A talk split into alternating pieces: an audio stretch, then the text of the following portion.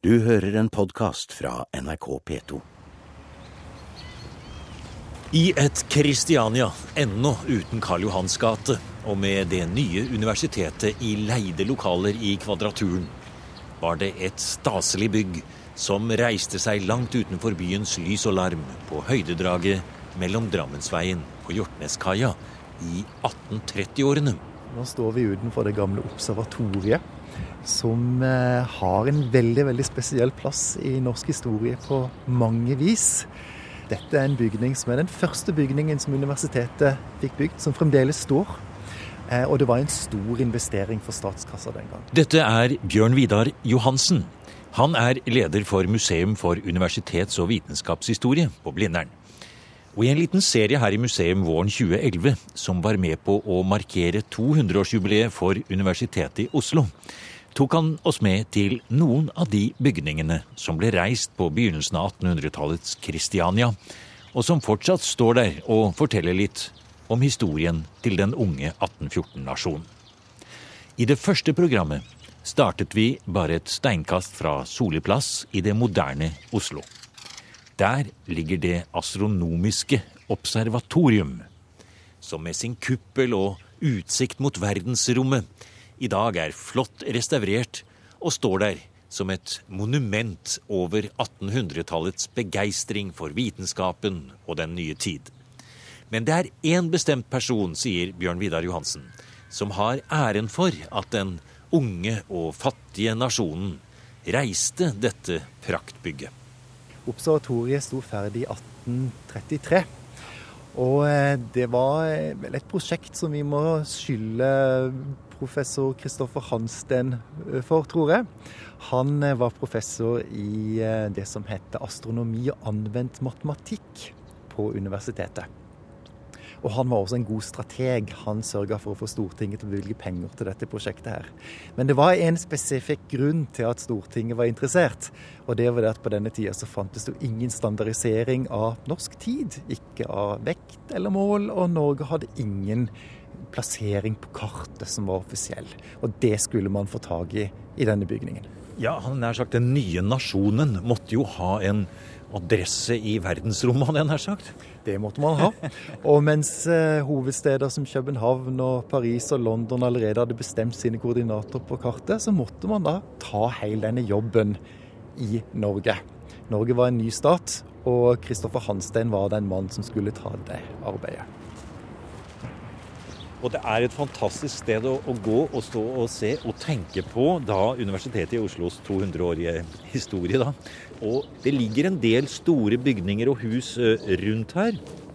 Men hvis vi tillater oss å ta bort noen av disse husene og går tilbake til 1830-tallet, så tenker jeg at dette huset ruvet godt opp i Skyline Kristiania. Å ja. Det var synlig fra hele byen og omegn, og det ligger faktisk på en fjellknaus, nesten en slags klippe. Og det er flere grunner til at observatoriet ble lagt her. Eh, det var fast fjell. Det er det ikke så mange steder i Oslo by som har. Eh, og det betydde at målingene kunne være så stabile som mulig. Samtidig så var det langt fra lysforurensning. Det var mørkt, og det var viktig for å se det som skjedde på himmelen. Og det var langt fra folk. Og det var jo også et poeng, da, at det var ro her.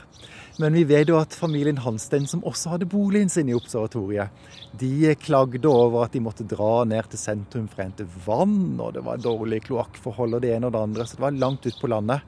Men bygningen ruva jo absolutt i landskapet. Og hadde vi gått tilbake igjen til den gang, så hadde vi sett at bygningen lå i en park. Og det ville vært flere observasjonspaviljonger her.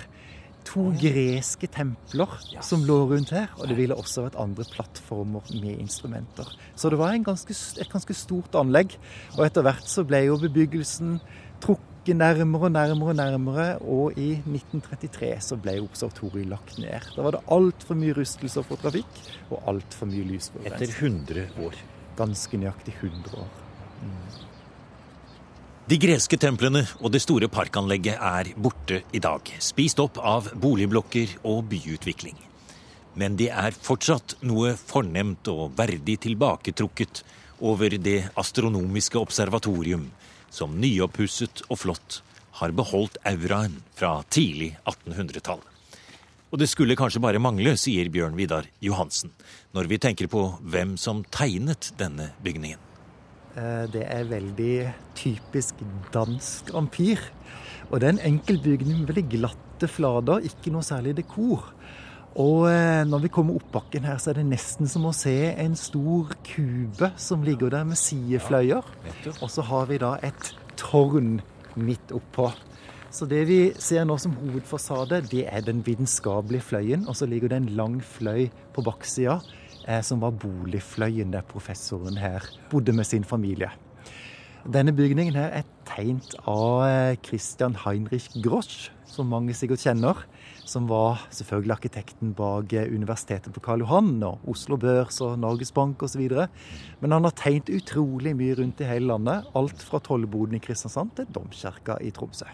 Utrolig flott bygning. Skal vi gå inn? Ja. Få se den høye døra. Dette skulle jo da i overført betydning Det er virkelig inngangen til Norge som vitenskapsnasjon på 1830-tallet.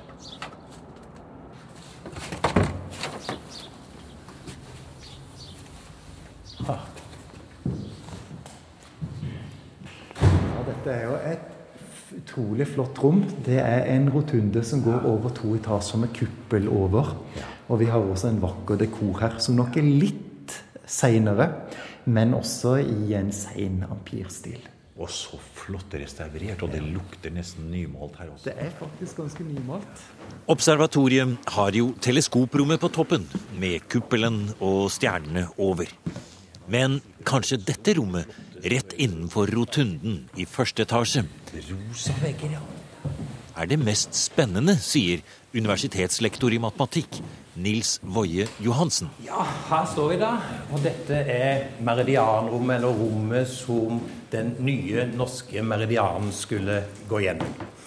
Eh, Dette var jo før man hadde en felles etablert nullmeridian, som vi etter hvert fikk i, Greenwich i eh, England. Så på denne tiden så hadde hvert land sin egen eh, nullmeridian. Og eh, i Norge så var den eh, tidligere etablert ved flaggsanger på Kongsvinger eh, festning i forbindelse med oppmålingen som foregikk der på 1770- og 80-tallet. Men fra Hansten da kom til sitt nye bygg her, så skulle den gå gjennom dette rommet. Og her ser vi Og nå den går her? Det er der vi ser den spalten, eller? Den går her, ja. Når vi nå stiller oss vi nå stiller oss her, Har du sett hvor mange jeg forstår nesten bak? Nå står du der, ja. står vi i rett Ja. syd-nord-retning, og med én arm nord og én arm syd. Her hadde man et stort, eh, en stor meridiansirkel, det vil si en kikkert som har en eh, akse som gjør at den bare kan gå opp og ned, svinge opp og ned i nord-sør-linje. Eh, Og det eh, den da skulle brukes til, det var å observere når stjerner gikk akkurat gjennom Ja, for det er nemlig Du peker på noe her, Nils. Det er altså da eh, skyvedører midt oppe på veggen. Som da Ja, som Bjørn Vinner holder på med der nå. Se. Og der er det enda en dør som du kan åpne der, og så kan man se ut, da, eller? Da kan man se ut, for at dette rommet det kan både tak og eh, vegger skyves til side, sånn at eh, man kan observere i 180 grader fra horisonten i eh, syd og gjennom eh, eh, polpunktet og ned til eh, horisonten i nord.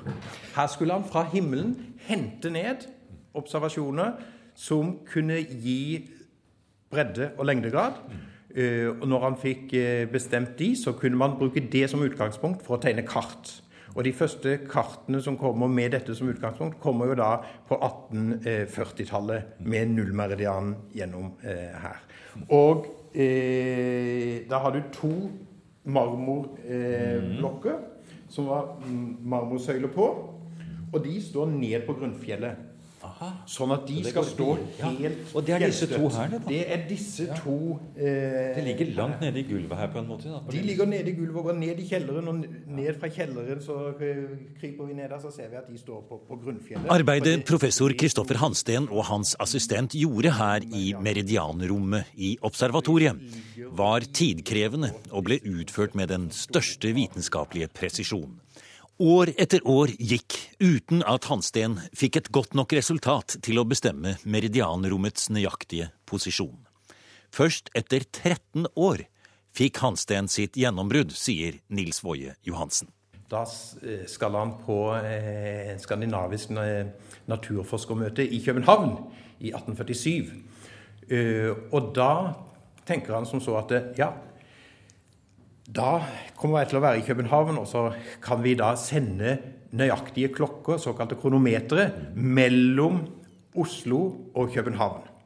Fordi at eh, tiden Da kan man måle tidsforskjellen mellom Oslo og København. Og tidsforskjell er det samme som antall grader eh, som ligger mellom de.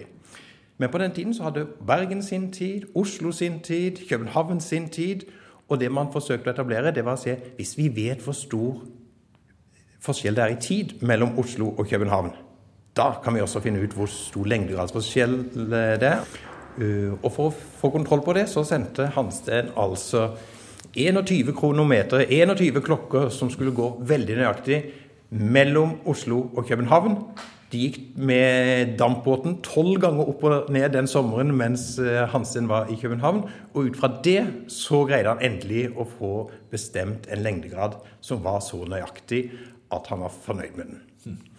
Eh, Så da hadde han noen år før bestemt en breddegrad og en lengdegrad, og de ble stående og sto på almanakken vår fra de ble bestemt på slutten av 1840-tallet av Hansten og frem til 1978. Da ble de avløst av nye koordinater som kom med satellittmåling og GPS. Eh, Og hvis vi tenker, Hva var det han målte? Jo, han skulle forsøke å bestemme hvor mange meter nord for ekvator vi lå. Og hvor mange meter eh, eh, øst for Greenwich vi lå. Og han bommer bare med ca. 150 meter på hver av de. Og det er fabelaktig godt når man tenker på, på de enkle instrumentene som de hadde. Og, og det som de nå da opererer med, det er jo da mange satellitter som eh, man tar til hjelp for å beregne koordinaten nå. Og ikke bare beregnet Kristoffer Hansten observatoriets nøyaktige bredde- og lengdegrad, noe som jo var av største betydning for skipsfart og navigasjon på 1800-tallet. Men på kjøpet, så å si, fikk man også en nøyaktig fastsettelse av når klokka er eksakt 12.00 formiddag i Kristiania, sier Nils Woie Johansen. Så noe av det arbeidet som eh, han eh, gjør, det er å finne en korrekt tid. For tid er lokalt. Tid kan ikke transporteres. Det må måles på hvert enkelt geografisk sted. Og når Hansten har bestemt tiden her, så vet han når klokka er tolv. Og det er en informasjon som innbyggerne også er interessert i. Fordi at når de skal stille sine gulvur, eller hva det måtte være de hadde, så kan de på denne tiden ikke slå på radioen eller eh, ringe til frøken Ur eller noe. Så hva skal de da gjøre? Jo, de er avhengig av at noen kan kommunisere hvor mye klokken er. Altså gi de en mulighet til å stille den korrekt. Og da brukte Hansten eh, på toppen av observatoriet her en eh, stang med en tidsball på. Og eh, når klokken var litt før tolv, så heises eh, tidsballen opp, og den kan da ses over hele byen. Og idet klokka akkurat er tolv, så slippes den ned. En tidsball. Ja, en tidsball. Og da kan folk stille klokka si. Da vet de akkurat når den faller, så er klokken tolv. Så da sto folk rundt og kikket eh, fra, i vinduene sine borte på Skillebekk og Frogner og tittet ned på eh, observatoriet. Der faller ballen. Ja. Der faller ballen. Nå vet vi hva klokken er når vi skal stille eh, urvalg. Men ja, og det var det eneste. Det var det også eh, når skutene begynte å navigere med hjelp av kronometer. Så var de avhengig når de var i havn, så måtte de kunne stille ja. ja. breddegrad og lengdegrad. Og så skulle de få vite hvor de var når de seilte på åpent hav. Så var de avhengig av å vite hvilken lengdegrad de hadde. Og det gjorde de ved å måle tidsforskjellen fra der de startet, den havna de starta, og så eh, måle hva kronometeret sto på når de var ute i havet. Så kunne de regne ut hvilken lengdegrad de var på. Så derfor så er dette et bygg som ligger slik at det, det kunne ses fra havna. Er det Altså dette, dette rommet her var jo for inntil to år siden Observatoriebygningen er nettopp ferdig restaurert av Universitetet i Oslo i samarbeid med Riksantikvaren. Og det var under det arbeidet man fant de originale marmorfundamentene til Hanstens måleinstrument og de spesielle mekanismene for å åpne og lukke veggspaltene. Ja, egentlig var det under restaureringen vi oppdaget at så mye var intakt i meridianrommet, sier Bjørn Vidar Johansen. Var jo et rom som ble gjort om til et ildsikkert hvelv, sannsynligvis på 1960-tallet. Da var det andre som holdt til i bygningen her. Eh, og det måtte restaureres tilbake, og man visste ikke hva som var bak betongen. Det var betonggulv, det var et lavt betongtak. Og så har jo da Teknisk avdeling på universitetet gjort en fantastisk jobb med å restaurere denne fløyen. Det er på en måte en gjenoppdagelse. Ja, ja, ja, Og det var en detektivhistorie, for vi visste jo ikke hva som var bak. Og så har det vært en eh, kulturminnerådgiver, eh, Jens Treider, som klarte da å fire seg ned gjennom ei lita luke i trappa som han fant, og kom over denne betonghimlinga. Og med den moderne teknologien vi har nå, så var det mulig å ta et digitalt fotografi som man kunne sende til oss på Blindern eh, som e-post. Og da sendte han da altså et bilde av øvre del av veggen her. Og da så vi at det var det original dekor fra 1833. Og Og var. Spalten var der, taket var der. Alt var faktisk intakt her. Og så er jo dette et klimaregulert rom. Det var viktig at klimasvingningene var så lave som mulig for at ikke det skulle gi innslag på målingene. Så her er veggene doble med luft imellom, og så er det da høye lemmer som forsvinner inn i den hule veggen, sånn at du da får fri tilgang både mot nord og sør. Utrolig. Og dette er jo på en måte også da fødselsstedet for den norske naturvitenskapen, på en måte. Nøyaktig akkurat dette rommet, akkurat her ved disse marmorblokkene og med disse nye spaltene i veggen som kommer frem. Det er det absolutt. Og eh, det var jo en utrolig flaks at det var så mye som var intakt bak betongen i dette rommet. Og at det så lett kunne la seg rekonstrueres. Og det var jo også eh, et hell uten like at når man fjerna betonggulvet, så ligger det originale tregulvet fra 1833. Med disse rommene ned hvor man ser ned på marmorblokken. Og legg merke til at her ser du slidespor. Her hadde man da en slags liggestol som gikk på skinner under hovedinstrumentet. Og så kan vi da se at man har beveget seg rundt. Så dette Ja, er du rett ser det er slitasjespor Slitasje. etter Hansten, Etter hans assistent. Men selve dette instrumentet da, Bjørn Vidar, som sto her? Det kom opp eh, tilbake igjen på plass. Det eh, tilhører nå Teknisk museum, som kommer til å deponere det tilbake igjen til observatoriet. Og det er under restaurering. Så de fleste Her blir det en stor utstilling her, da. Ja, det. blir jo et, eh, et rom som skal få tilbake det meste av det originale utstyret sitt. Ja, fantastisk. Skal vi gå opp her, Gjør vi det? Ja. Nå er vi altså på vei opp mot selve teleskoprommet da, på toppen. Denne kuppelen vi så fra utsiden, vil jeg tro. Ja. Det stemmer. Da skal vi bare opp eh, trappen og gjennom Har du nøkkel der, Ja da, Ja det har jeg. Dette er litt som å gå inn i Askepott-Disney-filmen, tenker jeg, med stemora som går opp. Det er litt den følelsen den jeg får hver gang. For det er en smal tretrapp som snegler seg opp på toppen av eh, tårnet. Eh, så vi skal gå opp denne trappa, og så kommer vi Historien om Kristoffer Hansten handler om mye mer enn bestemmelsen av tid og rom, sier Nils Woie Johansen. Ikke bare fikk professoren i observatoriet ansvaret for Norges mest leste bok etter bibel og salmebok, nemlig almanakken. Men han var aktiv også på mange andre områder av den nye naturvitenskapen. Et resultat av dette var at Hanstens assistent Henrik Moen ble den første direktør for det nye Meteorologisk institutt, som ble etablert på 1860-tallet. Hvor effektiv Hansten var til å skaffe finansiering og få ting til å skje, ser vi tydelig i hans første forskning på jordmagnetismen, sier Nils Woie Johansen. Ja, Hansten eh, var en strateg. Han eh, visste hvordan han skulle gå frem for å eh, få gehør for sine tanker. Og han hadde da utviklet en teori om at jorda ikke bare var utstyrt med to magnetiske poler, men fire. To i nord og to i sør. Uh, og han mente å ha lokalisert de to i sør og den ene i nord. Og da den uh, siste i nord trodde han da fantes i Sibir. Uh, og han fikk da staten til å bevilge penger til en reise til Sibir, som startet i 1828, og som tok 25 måneder. Uh, han er en uh, liten forløper for det, det, som blir en sånn nasjonal gren med reiser i uh, polare strøk. Og når han da kommer tilbake og blir feiret som helt, da tar også nasjonen og bevilger midlene til dette observatoriet. Det er i, nok i den nasjonale rusen når han kommer tilbake. Da er det noen få måneder etter at han har kommet, så bevilges pengene til observatoriet. Dette er en mann vi kan tro på, ja. Han har vært i Sibir, han har lett etter den magnetiske Nordpol. Han kan vi stole på til å finne ut hvor mye klokka er. Ja, han kan nok brukes til mye. Han har, han har i den tiden som han eh, da har virket i landet, så har han jo gjort en, Vi nevnte så vidt at han har vært, eh, blitt redaktør for Almanakken, noe som han var i nesten 50 år. Eh, han eh, var den som eh, var primus motor for å innføre et nytt og nasjonalt eh, målesystem når det gjaldt vekt og lengde og, og hulemål.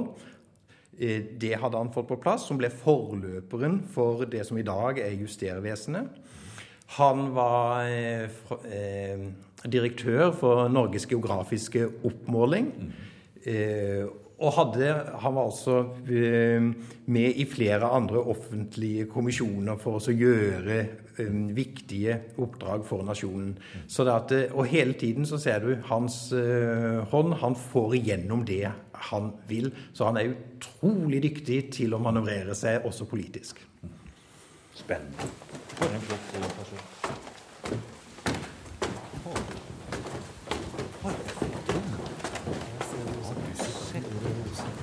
Å, hele fjorden ligger der. Vi, står, vi ser rett ned på, på Kileferja der. Og fjorden ligger utover. Der borte er Maritimt museum, ja. Og hele fjorden utover. Det er jo klart, som eh, Nils Foy Johansen sa, her kunne skipene på havnen se når tidskula ble senket ned. Ja, Det er et flott rom her, Nils? Ja, dette er gedigent og, og eh, spennende med, med, at man kan eh, Med enkle midler som det, denne sveiven og, og dette, denne kransen, jernkransen, drive hele taket rundt og åpne og, og se ut. Og som du sa, så har vi fin utsikt til eh, havna på den ene siden her, mens den andre jo dessverre er bygd inn av ja, Byen har spist seg inn, og vi kan ikke se noe. Men heldigvis er det bevart havneutsikt på den andre siden da. Ja. Altså, dette var det fremste som byen kunne, kunne by på. Så hit tok man kongelige og viste eh, frem observatoriet på eh, 1830-, og 40- og 50-tallet. En annen ting som, eh, som, er spesielt med vår moderne blikk i, i, dette tårnrommet, er at vi har rosa vegger her. Ja. Og i meridianrommet i observatoriet er det også rosa vegger. Og det virker kanskje litt rart i dag at et forskningsbygg skal ha rosa vegger, men det var høyeste mode i 1830-åra, dette her. Ja, for jeg så det var to små dører eller luker på like før vi gikk inn. Ja, vi kan gå ut på taket og se. Ja, ja se her. Nå kom vi ut, ja. Og her var det de skulle senke og heve. Tidsballen, ja. ja. Her kunne, da, da kunne man se den Da var jo ikke bebyggelsen innpå så høy Nei. som den er nå. Eh, så her ble da tiden signalisert. Og den startet da litt ut på 30-tallet. 1830-tallet og, og, pågikk nesten 100 år. For man hadde jo ikke før på 1920-tallet andre måter å formidle tiden på. Altså Da kom radioen, da fikk, kunne man etter hvert få Frøken Ur. Men frem til 1920-tallet så var tidsballen i bruk. Og nå, nå som vi er på utsida av tårnet, så ser vi også at her er det breie hyller. Her hadde de portable instrumenter som ble brukt til forskjellige typer målinger og observasjoner som ble satt ut her for anledningen. Og Opprinnelig så var disse hyllene her lagd av marmor. Det er det ikke lenger. De var helt oppsmuldra. Eh, men det var mye bruk av marmor her, fordi at enkelte mente at marmor var et stabilt materiale. Mens andre mente at det, det kanskje ikke var det. Nei. Og nå er det støpt ut på nytt igjen. Meridianrommet og kuppelen hvor teleskopet sto, er bare to rom i det store observatoriet ved Solli plass. Resten av huset rommet kontorer og en stor tjenesteleilighet for familien Hansten. Hvor også datteren i huset, Åsta Hansten, som ble en kjent malerinne og pioner for kvinnesaken i Norge, levde midt i det vitenskapelige miljøet. Og noen av disse rommene skal etter hvert også innredes med kulturhistoriske utstillinger. Både for Kristoffer og Åsta Hansten, sier Bjørn Vidar Johansen. Ja, det er jo et eh, nasjonalt klenodium, denne bygningen her. Men som du må på en måte oppdage og kjøre inn mellom små veier og bak noen blokker, og så er vi her. Ja, det er flere som har sammenlignet observatoriet med kanskje et torneroseslott. Det har ligget litt tilbaketrukket på en høyde og litt overgrodd i, i mange år. Og nå blir det løfta fram og kommer til heder og verdighet igjen. Du har hørt en podkast fra NRK P2.